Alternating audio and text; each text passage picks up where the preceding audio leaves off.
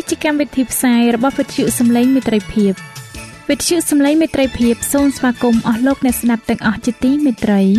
នាងខ្ញុំសេកសុចិន្តាវតី ហើយខ្ញុំបាទអង្គច័ន្ទវិជ្ជៈក៏សូមស្វាគមន៍លោកអ្នកស្ដាប់ទាំងអស់ផងដែរនៅពេលនេះយើងខ្ញុំមានសេចក្តីសុំមនស្សរីករាយដោយបានវិលមកជួបអស់លោកអ្នកនាងកញ្ញាអ្នកស្ដាប់សាជាថ្មីម្ដងទៀត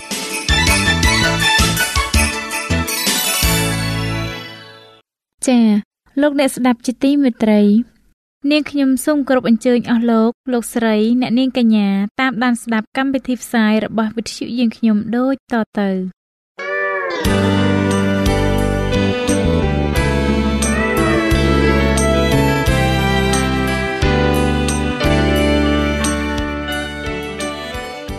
ព្រះបន្ទូលសម្រាប់អ្នកនៅថ្ងៃនេះព្រះគម្ពីរទំនុកដង្កើងចំពុក147ខ3បានចែងថា ទ្រង់ប្រោះអស់អ្នកដែលមានចិត្តសោកសង្រេងឲ្យបានជាក៏រំរបួសឲ្យគេផង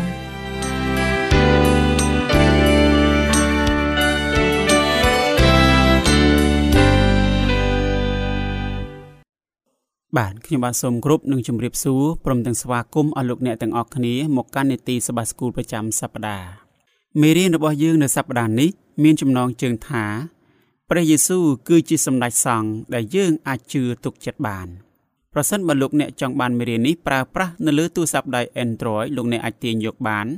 តាមរយៈ Play Store ដោយវាយពាក្យថាខ្មែរសបាស្គូលមេរៀននៅសប្តាហ៍នេះយើងនឹងក្រឡេកមើលនៅចំណុចព្រមទាំងសំណួរមួយចំនួនដូចតទៅ មានសម្រងមតិទី1បានពោលឡើងថាព្រះយេស៊ូវបានចូលទៅឯព្រះជំនួសយើងតើសេចក្តីសន្យាដ៏អស្ចារ្យនេះមានអត្ថន័យយ៉ាងដូចម្តេចចំពោះលោកអ្នក តើសេចក្តីសន្យានេះបង្ហាញយើងយ៉ាងដូចម្តេចអំពីសេចក្តីស្រឡាញ់របស់ព្រះចំពោះយើងនោះតើគោលគំនិតអំពីសេចក្តីស្រឡាញ់របស់ព្រះនេះកំសាន្តចិត្តលោកអ្នកដោយរបៀបណាដែរតើហេតុអ្វីបានជាយើងត្រូវការអ្នកណាម្នាក់ចូលទៅឯព្រះជំនួសយើងនោះសម្រងមតិទី2បានពោលឡើងថា តាមរយៈព្រះយេស៊ូវយើងកាន់តែខិតទៅចិត្តព្រះបន្ថែមទៀតដូចជាយើងឥតធ្វើបាបដូច្នោះដែរ តើសេចក្តីនេះមានអត្ថន័យដូចម្តេចតើយើងអាចទទួលបានបទពិសោធន៍នេះដោយរបៀបណាតើសេចក្តីសន្យាអំពីការខិតទៅចិត្តព្រះរបស់លោកអ្នកអាចកំសាន្តចិត្តលោកអ្នកដោយរបៀបណាដែរអស់លោកអ្នកជាទីមេត្រីអំពើបាបបានបណ្ដាលឲ្យមានការខណ្ឌចែកដ៏អាក្រក់មួយរវាងព្រះហើយនិងមនុស្សលោកបញ្ហាក៏កាន់តែអាក្រក់ឡើងអាក្រក់ឡើង ដោយសារតែអំពើបាបក៏បានផ្លាស់ប្ដូរយើងផងដែរ ចិត្តរបស់មនុស្សលោកបានคล้ายទៅជាអាក្រក់បន្ទាប់ពីលោកអាដាមនិងនាងអេវ៉ាបានធ្វើបាបរួចមកប៉ុន្តែព្រះទ្រង់បរិសុទ្ធអំពើបាបមិនអាចមកចិត្តព្រះបានឡើយដូច្នេះក្នុងភាពជាបាបជនយើងត្រូវបានញែកចេញពីទ្រង់ដោយសារតែចិត្តរបស់យើងអាក្រក់នេះហើយបានជាយើងមិនអាចគោរពបញ្ញត្តិរបស់ព្រះបាននោះអំពើបាបក៏បានបណ្ដាលឲ្យយើងមានការយល់ច្រឡំផងដែរ យើងតែងតែជឿការកុហកអំពីសេចក្តីស្រឡាញ់របស់ព្រះ និងសេចក្តីមេត្តារបស់ទ្រង់សប្តាហ៍នេះ យើងនឹងសិក្សាអំពីរឿងដ៏អស្ចារ្យមួយចំនួនដែលប្រាប់ថា ព្រះដ៏ជាព្រះវរបិតានិងព្រះយេស៊ូវដ៏ជាព្រះរាជបុត្រា បានធ្វើដើម្បីបញ្ចប់ការខណ្ឌចែករវាងព្រះនិងមនុស្សលោកនេះព្រះគម្ពីរហេព្រើរជំពូក7 ព្រះគម្ពីរហេព្រើរបានបកស្រាយអំពីកិច្ចការដែលព្រះយេស៊ូវបានធ្វើក្នុងនាមជាសម្ដេចសង្ឃរបស់យើងរីឯលោកប៉ុលបានមានប្រសាសន៍អំពីរបៀបនិងមូលហេតុដែលព្រះយេស៊ូវបានក្លាយមកជាសម្ដេចសង្ឃរបស់យើង នៅក្នុងព្រះគម្ពីរហេព្រើរជំពូក5ខ1ដល់ខ10បន្ទាប់មកលោកប៉ុលបានប្រាប់អ្នកអានរបស់គាត់កុំឲ្យបដិសេធកិច្ចការដែលព្រះយេស៊ូវដ៏ជាសម្ដេចសង្ឃរបស់ពួកគេបានធ្វើសម្រាប់ពួកគេនោះឡើយ។ លោកប៉ុលក៏បានប្រាប់អ្នកអានរបស់គាត់ឲ្យកាន់ខ្ជាប់សេចក្តីសង្ឃឹមដែលពួកគេទទួលបានពីការជឿទៅលើព្រះយេស៊ូវដ៏ជាសម្ដេចសង្ឃរបស់ពួកគេផងដែរលោកប៉ុលបានប្រៀបធៀបព្រះយេស៊ូវទៅនឹងសម្ដេចសង្ឃមីលគីហ្សាដេកផងដែរបន្ទាប់មកលោកប៉ុលបានបង្ហាញយើងអំពីរបៀបដែលព្រះយេស៊ូវបានរៀបចំផ្លូវសម្រាប់យើងទៅឯព្រះយើងនឹងក្រឡេកមើលភាគច្រើនទៅលើខព្រះគម្ពីរហេព្រើរនៅក្នុងជំពូក5ខ1ដល់ខ10 និងព្រះគម្ពីរហេព្រើរជំពូក7ខ1ដល់ខ28អស់លោកអ្នកទាំងអស់គ្នាជាទីមេត្រីសម្ដេចសង្ឃបានជួយឲ្យបាបជនចូលទៅឯព្រះបានព្រះអម្ចាស់ទ្រង់ផ្ទាល់បានជ្រើសរើសសម្ដេចសង្ឃនៃសាសអ៊ីស្រាអែលដើម្បីធ្វើកិច្ចការដ៏ពិសេសដូច្នេះពួកសង្ឃត្រូវតែបង្ហាញសេចក្តីមេត្តាដល់បាបជនដោយសារតែពួកគេនៅទុនខ្សោយនៅឡើយ ព្រះគម្ពីរហេព្រើរជំពូក5ខ5ដល់ខ10លោកប៉ុលបានបង្ហាញយើងថាព្រះយេស៊ូវកំពុងតែធ្វើកិច្ចការដ៏ពិសេសនេះព្រះបានជ្រើសរើសព្រះយេស៊ូវឲ្យធ្វើជាសម្ដេចសង្ឃរបស់ពួកយើងព្រះយេស៊ូវក៏បានយល់អំពីយើងផងដែរពីព្រោះទ្រង់ក៏ធ្លាប់ឈឺចាប់ដូចជាយើងដែរព្រះគម្ពីរហេព្រើរជំពូក5ខ7និងខ8ប៉ុន្តែអស់លោកអ្នកទាំងអស់គ្នា ព្រះយេស៊ូវមានលក្ខណៈខុសគ្នាពីពួកសង្ឃនៃមនុស្សលោកក្នុងចំណោមចំណុចសំខាន់សំខាន់មួយចំនួនព្រះមិនបានរើសយកព្រះយេស៊ូវពីក្រុមមនុស្សលោកនោះទេនេះគឺជាចំណុចទី1ដោយដែលមានចែងនៅក្នុងព្រះគម្ពីរហេព្រើរជំពូក5ខ1ព្រះបានคลายមកជាមនុស្សដើម្បីបម្រើការងារជាសង្ឃមួយអង្គសម្រាប់យើងព្រះយេស៊ូវមិនបានថ្វាយដង្វាយសម្រាប់អំពើបាបរបស់ទ្រង់ផ្ទាល់នោះទេ ព្រះយេស៊ូវបានថ្វាយដង្វាយជំនួសអំពើបាបរបស់យើងតែប៉ុណ្ណោះពីព្រោះទ្រង់ឥតធ្វើបាបឡើយដោយដែលមានចែងនៅក្នុងព្រះគម្ពីរហេព្រើរជំពូក4ខ15និងជំពូក7ខ26ដល់ខ28ព្រះគម្ពីរហេព្រើរក៏បានចែងដែរថាព្រះយេស៊ូវបានអធិដ្ឋានទៅឯព្រះដែលមានអំណាចអាចនឹងប្រោសឲ្យទ្រង់រួចពីស្លាប់ឡើងវិញព្រះគម្ពីរហេព្រើរជំពូក5ខ7 តើសេចក្តីស្លាប់ដែលលោកប៉ុលកំពុងតែមានប្រសាសន៍នៅត្រង់នេះគឺជាអ្វីទៅណនេះគឺជាសេចក្តីស្លាប់ជាលើកទី2ព្រះបានសង្គ្រោះព្រះយេស៊ូវចេញពីសេចក្តីស្លាប់ជាលើកទី2នៅពេលដែលព្រះដាស់ព្រះយេស៊ូវឲ្យតើនឡើង ពីភ្នោរបស់ទ្រង់ដោយដែលមានចែងនៅក្នុងព្រះគម្ពីរហេព្រើរជំពូក13ខ20លោកប៉ុលក៏បានមានប្រសាសន៍ថាព្រះយេស៊ូវរៀនស្ដាប់បង្គាប់ ដោយសារការដែលទ្រង់រងទុក្ខលំបាកទាំងប៉ុន្មាននោះដែរព្រះគម្ពីរហេព្រើរជំពូក5ខ8សម្រាប់ព្រះយេស៊ូវការស្ដាប់បង្គាប់គឺជាសេចក្តីថ្មីមួយតើហេតុអ្វីទៅ នោះគឺដោយសារតែព្រះយេស៊ូវគឺជាព្រះ ក្នុងនាមជាព្រះព្រះយេស៊ូវមិនចាំបាច់ស្ដាប់បង្គាប់អ្នកណាម្នាក់នោះឡើយប៉ុន្តែគ្រប់គ្នាបានស្ដាប់បង្គាប់ដល់ព្រះយេស៊ូវវិញម្ល៉េះហើយព្រះយេស៊ូវបានទទួលការឈឺចាប់ទ្រង់បានសគត់នៅលើឈើឆ្កាង ការឈឺចាប់និងការសគត់របស់ទ្រង់មានសារៈសំខាន់ចំពោះកិច្ចការរបស់ទ្រង់ក្នុងនាមជាសម្ដេចសង្ឃរបស់យើងដែលជាមនុស្សមានបាប ការឈឺចាប់មិនបានធ្វើឲ្យព្រះយេស៊ូវស្អាតខាងក្នុងព្រះទ័យឬមានសេចក្តីមេត្តាបន្ថែមទៀតនោះទេព្រះយេស៊ូវបានយាងមកផែនដីនេះដោយសារតែទ្រង់មានសេចក្តីមេត្តាសម្រាប់យើងនៅក្នុងព្រះទ័យរបស់ទ្រង់រួចទៅហើយព្រះគម្ពីរហេព្រើរជំពូក2ខ17ដូច្នេះ តើហេតុអ្វីបានជាព្រះយេស៊ូវត្រូវរងការឈឺចាប់តាមរយៈការឈឺចាប់របស់ទ្រង់ព្រះយេស៊ូវបានបង្ហាញថាទ្រង់ជាមនុស្សលោកយ៉ាងពិតប្រាកដទ្រង់បានបង្ហាញជីវិតនៃការស្ដាប់បង្គាប់ដ៏ល្អឥតខ្ចោះដល់យើង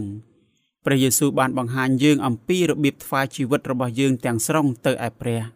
ព្រះយេស៊ូវក៏បានបង្ហាញយើងអំពីរបៀបក្នុងការអនុញ្ញាតឲ្យព្រះគ្រប់គ្រងលើចិត្តនិងគំនិតរបស់យើងទាំងស្រុងផងដែរ ក្នុងនាមជាសម្ដេចសង្ឃរបស់យើងព្រះយេស៊ូវបានថ្វាយដង្វាយពីរយ៉ាងដល់ព្រះវរបិតាដើម្បីជួយដល់យើង ដង្វាយទាំងពីរយ៉ាងនោះ គឺជាជីវិតនៃការស្ដាប់បង្គាប់របស់ទ្រង់និងការសគត់របស់ទ្រង់នោះឯងលោកមីលគីហ្សាដេកគឺជាស្ដេចផង ហើយក៏ជាសម្ដេចសង្ឃផងដែរលោកក៏ជាមនុស្សសំខាន់ជាងលោកអាប់រ៉ាហាំផងដែរពីព្រោះលោកអាប់រ៉ាហាំបានថ្វាយដង្វាយ10ហូត1 ដល់ Melchizedek ដង្វាយ10ហូត1គឺជាដង្វាយពិសេសសម្រាប់ព្រះ គឺស្មើនឹង10%នៃប្រាក់ទាំងអស់ដែលយើងបានចំណេញព្រះយេស៊ូវក៏ជាស្ដេចនិងជាសម្ដេចសង្ឃផងដែរប៉ុន្តែព្រះយេស៊ូវក៏មានលក្ខណៈខុសគ្នាពីលោក Melchizedek ដោយសារតែព្រះយេស៊ូវមិនបានធ្វើបាបអ្វីទាល់តែសោះលោកប៉ុលបានបកស្រាយថាព្រះយេស៊ូវគឺជាសម្ដេចសង្ឃមួយរូបទៀតដោយព្រះបាទ Melchizedek ដោ យដែលមានចែងនៅក្នុងព្រះគម្ពីរហេព្រើរជំពូក7ខ15ព្រះយេស៊ូវមិនមែនជាអ្នកស្នងតំណែងរបស់លោកមីលគីសាដេកនោះទេប៉ុន្តែទ្រង់បានធ្វើកិច្ចការជាច្រើនដែលលោកបានធ្វើម្ល៉េះហើយបើសិនជាយើងរៀនអំពីលោកមីលគីសាដេកនោះ យើងនឹងអាចរៀនអំពីអ្វីអ្វីជាច្រើនតាក់ទងនឹងកិច្ចការរបស់ព្រះយេស៊ូវក្នុងនាមជាសម្ដេចសង្ឃរបស់យើងផងដែរអស់លោកអ្នកជាទីមេត្រី ចូលយើងក្រឡេកមើលអ្វីដែលលោកប៉ុលបានមានប្រសាសន៍អំពីលោកមីលគីសាដេកយ៉ាងដូចនេះថា លោកគ្មានមេត្តាបៃតាគ្មានពងសាវតាទេក៏គ្មានថ្ងៃកំណើតឬថ្ងៃស្លាប់ដែរមនុស្សខ្លះបានគិតថាខនេះមានន័យថាលោកមីលគីសាដេកគឺជាព្រះយេស៊ូវនេះឯងប៉ុន្តែលោកប៉ុលមិនបានយល់ស្របជាមួយនឹងគោលគំនិតនេះឡើយលោកប៉ុលបានមានប្រសាសន៍ថា លោកមានភាពដូចជាព្រះរាជបុត្រានៃព្រះដោយដែលមានចែងនៅក្នុងព្រះគម្ពីរហេព្រើរជំពូក7ខ3មានភាពដូចជាមានន័យថាដូចគ្នាបេះបិទ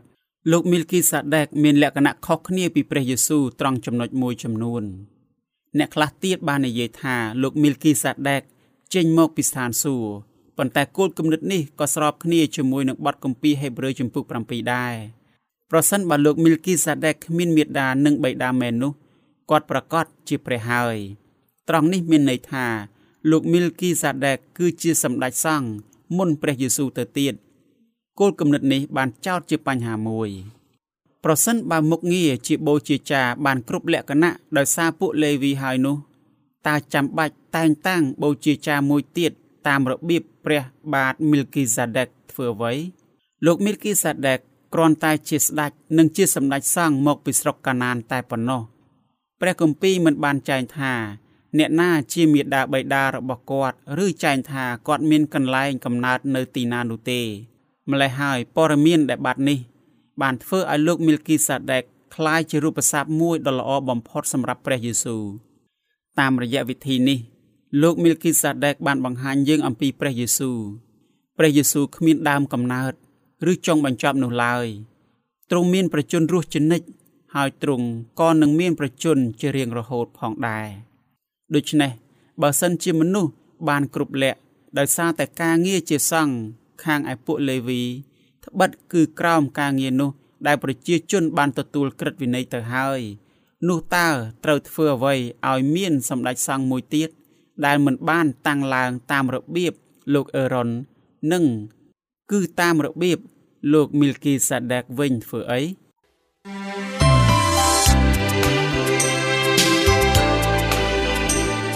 សេចក្តីជំនឿកើតឡើងដោយលឺហើយដែលលឺនោះគឺដោយសារព្រះបន្ទូលនៃព្រះ តាមរយៈវិទ្យុសំឡេងមិត្តភាព AWR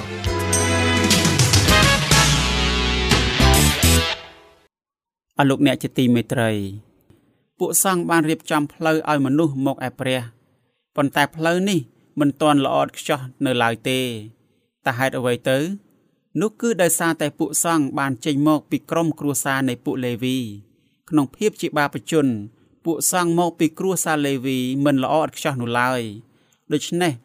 តើពួកគេអាចធ្វើឲ្យអ្នកណាម្នាក់ល្អឥតខ្ចោះបានទៅដោយរបៀបណាពួកសង្ឃបានថ្វាយដង្វាយជាសัตว์ដល់ព្រះជំនួសអំពើបាបរបស់សាសអ៊ីស្រាអែល ប៉ុន្តែដង្វាយទាំងនោះមិនអាចសម្អាតបាបជនបានឡើយដង្វាយទាំងនោះគ្រាន់តែបានបង្ហាញពួកបណ្ដាជនអំពីកិច្ចការនៃពេលអនាគតរបស់ព្រះយេស៊ូវតែប៉ុណ្ណោះមានតែការសគត់របស់ទ្រង់ទេដែលអាចដកយកអំពើបាបចេញពីចិត្តគំនិតរបស់យើងបានដោយដែលមានចែងនៅក្នុងព្រះគម្ពីរហេព្រើរជំពូក9ខ14ជំពូក10ខ1ដល់ខ3និងខ10ដល់ខ14ដូច្នេះពួកសង្ឃ និងកិច្ចការរបស់ពួកគេគឺជារូបស័ព្ទពួកគេបានជួយឲ្យពួកបណ្ដាជនជឿទុកចិត្តទៅលើកូនជាមដ៏ពិតនៃព្រះដែលដោះបាបមនុស្សលោកដោយដែលមានចែងនៅក្នុងព្រះគម្ពីរយូហានជំពូក1ខ29ដូច្នោះដែរព្រះគម្ពីរហេព្រើរជំពូក7ខ12បានបកស្រាយអំពីហេតុផលសម្រាប់ការផ្លាស់ប្ដូរនេះយ៉ាងដូចនេះថាព្រះបានធ្វើកំណែទម្រង់ចំពោះកិច្ចការដែលពួកសង្ឃបានធ្វើដូច្នេះ ព្រះចាំបាច់ត្រូវផ្លាស់ប្ដូរបញ្ញត្តិតើហេតុអ្វីបានជាការផ្លាស់ប្ដូរនេះសំខាន់ម្ល៉េះនោះគឺដោយសារតែលោកម៉ូសេបានដាក់បញ្ញត្តិដ៏តឹងរឹងមួយដល់សាសអ៊ីស្រាអែលតាក់ទងនឹងអ្នកណាដែលស័កសមធ្វើជាសង្ឃមានតែបរោះចេញពីក្រុមគ្រួសារលេវី និងវងត្រកូលរបស់លោកអេរ៉ុនប៉ុណ្ណោះដែលអាចធ្វើជាសង្ឃបានដោយដែលមានចែងនៅក្នុងព្រះគម្ពីរជនកណនីជំពូក3ខ10 ជំពូក16ខ39និងខ40ព្រះគម្ពីរហេព្រើរជំពូក7ខ13និងខ14បានបកស្រាយថាព្រះយេស៊ូវចេញមកពីក្រុមគ្រួសារយូដាមិនមែនលេវីឡើយម្ល៉េះហើយបញ្ញត្តិមិនអាចអនុញ្ញាតឲ្យព្រះយេស៊ូវធ្វើជាសង្ឃបានឡើយលោកប៉ុលបានបង្ហាញថាព្រះបានផ្លាស់ប្ដូរបញ្ញត្តិតាក់ទងទៅនឹងអ្នកណា ដែលអាចបម្រើការងារជាសង្ឃបាន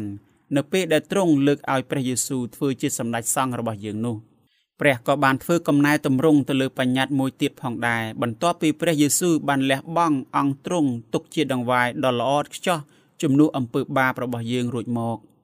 ព្រះបានបញ្ឈប់ការថ្វាយដង្វាយសត្វទាំងអស់ជំនួសអំពើបាបដោយតែមានចែងនៅក្នុងព្រះគម្ពីរហេព្រើរជំពូក10ខ17និងខ18អស់លោកអ្នកជាទីមេត្រីព្រះបានលើកព្រះយេស៊ូវឲ្យធ្វើជាសម្ដេចសង្ឃរបស់យើងដោយសារតែព្រះយេស៊ូវមិនចេះស្លាប់ ដូច្នេះព្រះយេស៊ូវអាចបម្រើនិងជួយដល់រាជរបស់ទ្រង់ជានិច្ចនិងគ្រប់ពេលវេលាតើសេចក្តីពិតនៃព្រះគម្ពីរបានផ្ដល់សេចក្តីសង្ឃឹមអ្វីដល់យើងនេះគឺជាសេចក្តីសង្ឃឹមដ៏អស្ចារ្យបំផុតព្រះយេស៊ូវអាចនឹងជួយសង្គ្រោះសពគ្រប់បានដល់មនុស្សទាំងអស់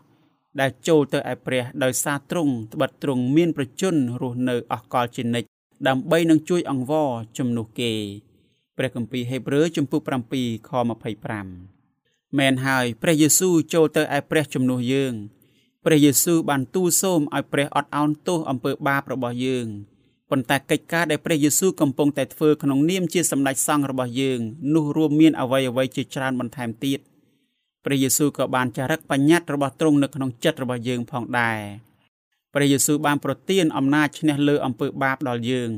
និងធ្វើឲ្យយើងរស់នៅក្នុងជីវិតថ្មីមួយក្នុងនាមជាសម្ដេចសង្ឃរបស់យើង ព្រះយេស៊ូវបានជួយឲ្យយើងចែករំលែកដំណឹងល្អអំពីទ្រង់ជាមួយនឹងអ្នកដទៃព្រះយេស៊ូវគឺជាមេធាវីរបស់យើងទ្រង់កំពុងតែតតាំងជំនួសយើងនៅក្នុងសាលប្រជុំជំនុំជម្រះនៃស្ថានសួគ៌ព្រះយេស៊ូវអាចធ្វើកិច្ចការនេះបានសម្រាប់យើងដោយសារតែទ្រង់ជាព្រះផង និងជាមនុស្សលោកផងដោយសារព្រះយេស៊ូវបានលះបង់អង្គទ្រង់ជំនួសយើងនេះហើយ ទើបព្រះប្រទានអ្វីអ្វីគ្រប់យ៉ាងដល់ព្រះយេស៊ូវតាមដែលទ្រង់សូមដើម្បីជួយដល់យើងដែលជាបាបជនគ្រប់គ្នាអស់លោកអ្នកទាំងអស់គ្នាព្រះយេស៊ូវបានយល់ព្រមចេញថ្លៃលួសជំនួសអំពើបាបរបស់យើងហើយដូច្នេះដោយព្រោះសេចក្តីសន្យានេះហើយព្រះស្បត់នៅពាក្យស្បត់មួយព្រះបានសន្យានឹងធ្វើឲ្យព្រះយេស៊ូវក្លាយមកជាសម្ដេចសង្ឃដ៏នៅអកលជានិច្ចសម្បត្តិនេះមានលក្ខណៈសំខាន់ជាទីបំផុត ដូច្នេះយើងត្រូវតែប្រកាសថាយើងយល់អំពីមូលហេតុតកតងនឹងសម្បត្តិនេះលោកប៉ុលបានប្រាប់យើងថាព្រះបានបង្កើតសម្បត្តិជាមួយនឹងពួកអ៊ីស្រាអែលនៅឯទីរហោស្ថាននិងបានបង្កើតសម្បត្តិជាមួយនឹងលោកអាប់រ៉ាហាំដោយដែលមានចែងនៅក្នុងព្រះគម្ពីរហេព្រើរជំពូក3ខ7ដល់ខ11ជំពូក6ខ13ដល់ខ15តើសម្បត្តិទាំងពីរនេះខុសគ្នាយ៉ាងដូចម្តេចពីសម្បត្តិដែលព្រះបានស្បត់ជាមួយនឹងព្រះយេស៊ូវ ដ៏ជាព្រះរាជបុត្រារបស់ទ្រង់នោះសម្បត្តិជាមួយនឹងពួកអ៊ីស្រាអែលនិងជាមួយនឹងលោកអាប់រ៉ាហាំត្រូវបានបង្កើតចំពោះមនុស្សលោក សម្បត្តិនេះអាចបន្តនៅដរាបណាមនុស្សដែលព្រះបានតាំងសេចក្តីសន្យាជាមួយនៅមានជីវិតរស់មនុស្សលោកនឹងត្រូវស្លាប់រីឯព្រះយេស៊ូវទ្រង់មានប្រជញ្ញរស់នៅជារៀងរហូត ហើយសម្បត្តិដែលព្រះបានស្បត់ជាមួយនឹងព្រះយេស៊ូវបន្តជារៀងរហូតផងដែរដូច្នេះ យើងអាចជឿទុកចិត្តបានទៅលើសេចក្តីសន្យានៃព្រះគុណដែលព្រះបានប្រទានដល់យើងតាមរយៈព្រះយេស៊ូវព្រះយេស៊ូវទ្រង់បរិសុទ្ធ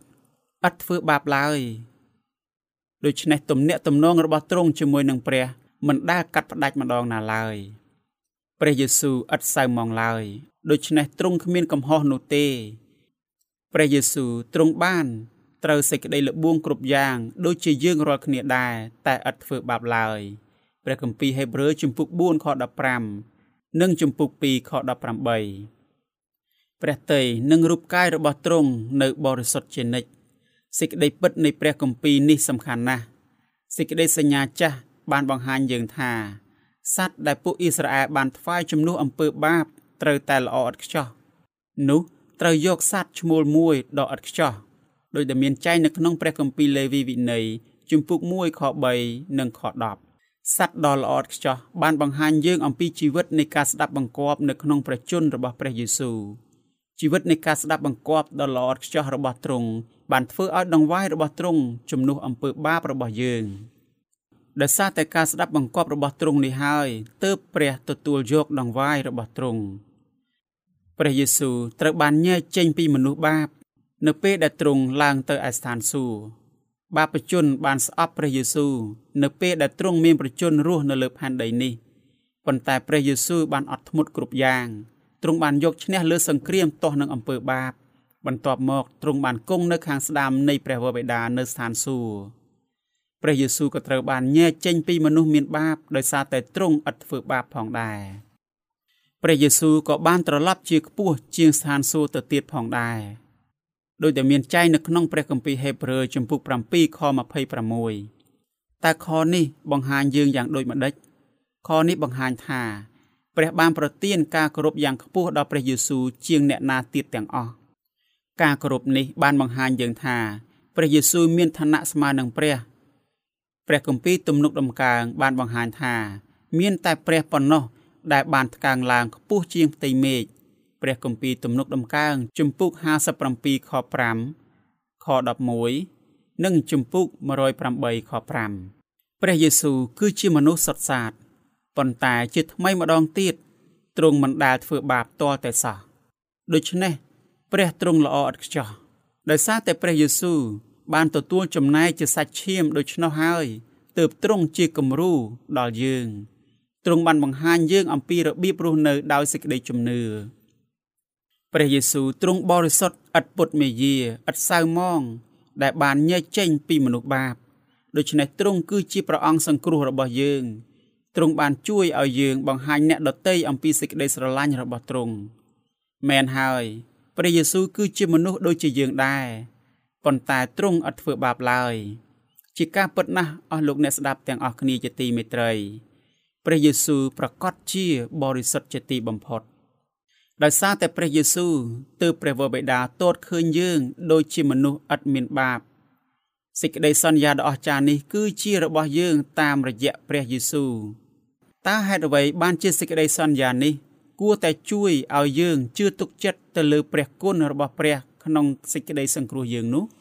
អស់លោកអ្នកស្ដាប់ជាទីមេត្រីព្រះយេស៊ូវបានទតមើលកូនកូនរបស់ទ្រង់ទ្រង់បានជៀបរឿងរ៉ាវទាំងអស់អំពីបន្ទុកដ៏ធ្ងន់ អំពីគ្រោះថ្នាក់និងបញ្ហាទាំងឡាយរបស់កូនកូនរបស់ទ្រង់នៅលើផែនដីនេះព្រះយេស៊ូវបានចូលទៅឯព្រះជំនួសយើងព្រះយេស៊ូវបានបំពេញតម្រូវការនៃមនុស្សគ្រប់គ្នាទាំងអស់ដោយដែលទ្រង់បានធ្វើចំពោះលោកពេត្រុសយ៉ាងដូចនោះដែរព្រះយេស៊ូវគឺជាមេធាវីរបស់យើងទ្រង់បានបង្រៀនយើងឲ្យនៅរឹងមាំនៅពេលដែលសាតាំងព្យាយាមលបួងយើងឲ្យធ្វើខុស ព្រះយេស៊ូវបានបញ្ឈប់ផែនការអាក្រក់ទាំងអស់ដែលសាតាំងបានបង្កើតទាស់នឹងយើងព្រះយេស៊ូវបានគ្រប់គ្រងអ្វីអ្វីគ្រប់យ៉ាងដែលកើតឡើងនៅលើស្ថានសួគ៌និងផែនដីអស់លោកអ្នកជាទីមេត្រី តាមរយៈសិភៅព្រះនៃសេចក្តីស្រឡាញ់អ្នកស្រី Ellen G. White បានលើកឡើងថាសាតាំងចង់បំបែកព្រះនិងមនុស្សលោកជារៀងរហូតប៉ុន្តែតាមរយៈព្រះយេស៊ូវគ្រីស្ទយើងកាន់តែខិតទៅចិត្តព្រះថែមទៀតដូចជាយើងឥតធ្វើបាបដូច្នោះដែរ នៅពេលដែលព្រះអង្គសង្គ្រោះយើងមកផែនដីក្នុងសន្តានជាមនុស្សម្នាក់ដូចជាយើងនោះទ្រង់បានផ្សារភ្ជាប់អង្គទ្រង់ទៅនឹងគ្រួសារនៃមនុស្សជាតិជារៀងរហូតទំនាក់ទំនងរវាងយើងនិងព្រះអង្គសង្គ្រោះមិនអាចកាត់ផ្តាច់បានឡើយព្រះបានតាំងសេចក្តីសន្យាដ៏ពិសេសនេះយ៉ាងដូចនេះថាព្រះទ្រង់ប្រទានបុត្រាមួយមកយើងហើយ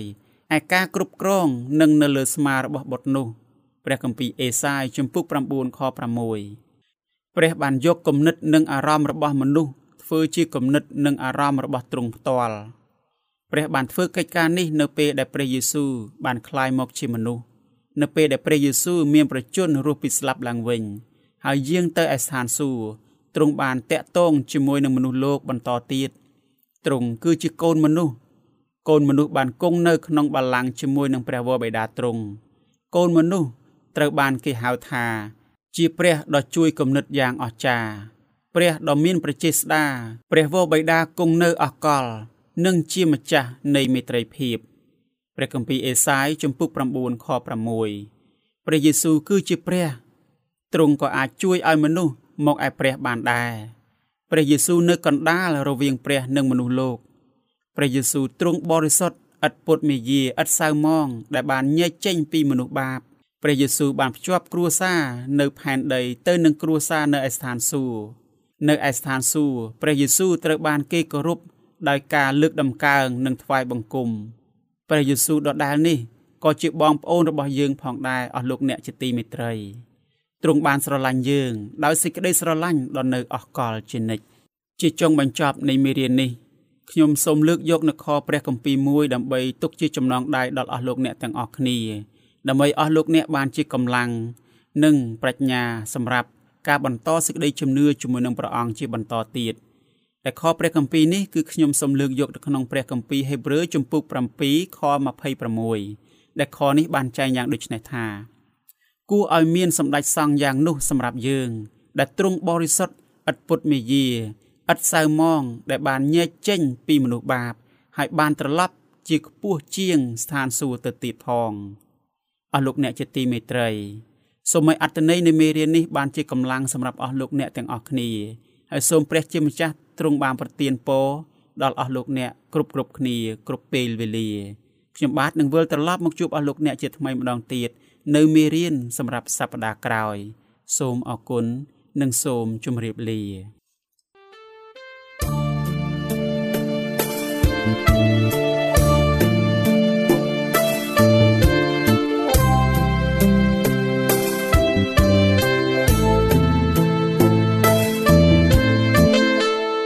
បើសិនជាលោកអ្នកមានសំណួរឬសំណុំពរអ្វីសូមតាក់ទងមកការិយាល័យវិទ្យុយើងខ្ញុំ តាមអាស័យដ្ឋានផ្ទះលេខ15ផ្លូវលេខ568សង្កាត់បឹងកក់2ខណ្ឌទួលគោករាជធានីភ្នំពេញលោកអ្នកក៏អាចសរសេរសម្បត្តិផ្ញើមកយើងខ្ញុំ តាមរយៈប្រអប់សម្បត្តិលេខ488ភ្នំពេញឬតាមទូរស័ព្ទលេខ012 34 96 64ឬ097 80 81 060ឬក៏តាមរយៈអ៊ីមែល vol@awr.org យើងខ្ញុំរងចាំទទួលស្វាគមន៍អស់លោកអ្នកនាងដោយក្តីសោមនស្សរីករាយហើយលោកអ្នកក៏អាចស្ដាប់កម្មវិធីនេះឡើងវិញ ដោយចូលទៅកាន់ website របស់វិទ្យុយើងខ្ញុំ តាមរយៈអាស័យដ្ឋាន www.awr.org